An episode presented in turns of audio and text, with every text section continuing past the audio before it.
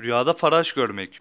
Rüyada faraş görmek ummadığınız biri tarafından aldatılacağınızı işaretle tabir olunur. Bazı yoruma göre ise rüyada boş bir faraş görmek rüya sahibinin karışık işlerle karşılaşacağına ve bu karışıklıktan sıkıntıya düşeceğini işarettir. Rüyasında dolu bir faraş görmek ise karışık işlerin düzeleceğine ve içine düştüğü problemlerin çözüleceğini işarettir.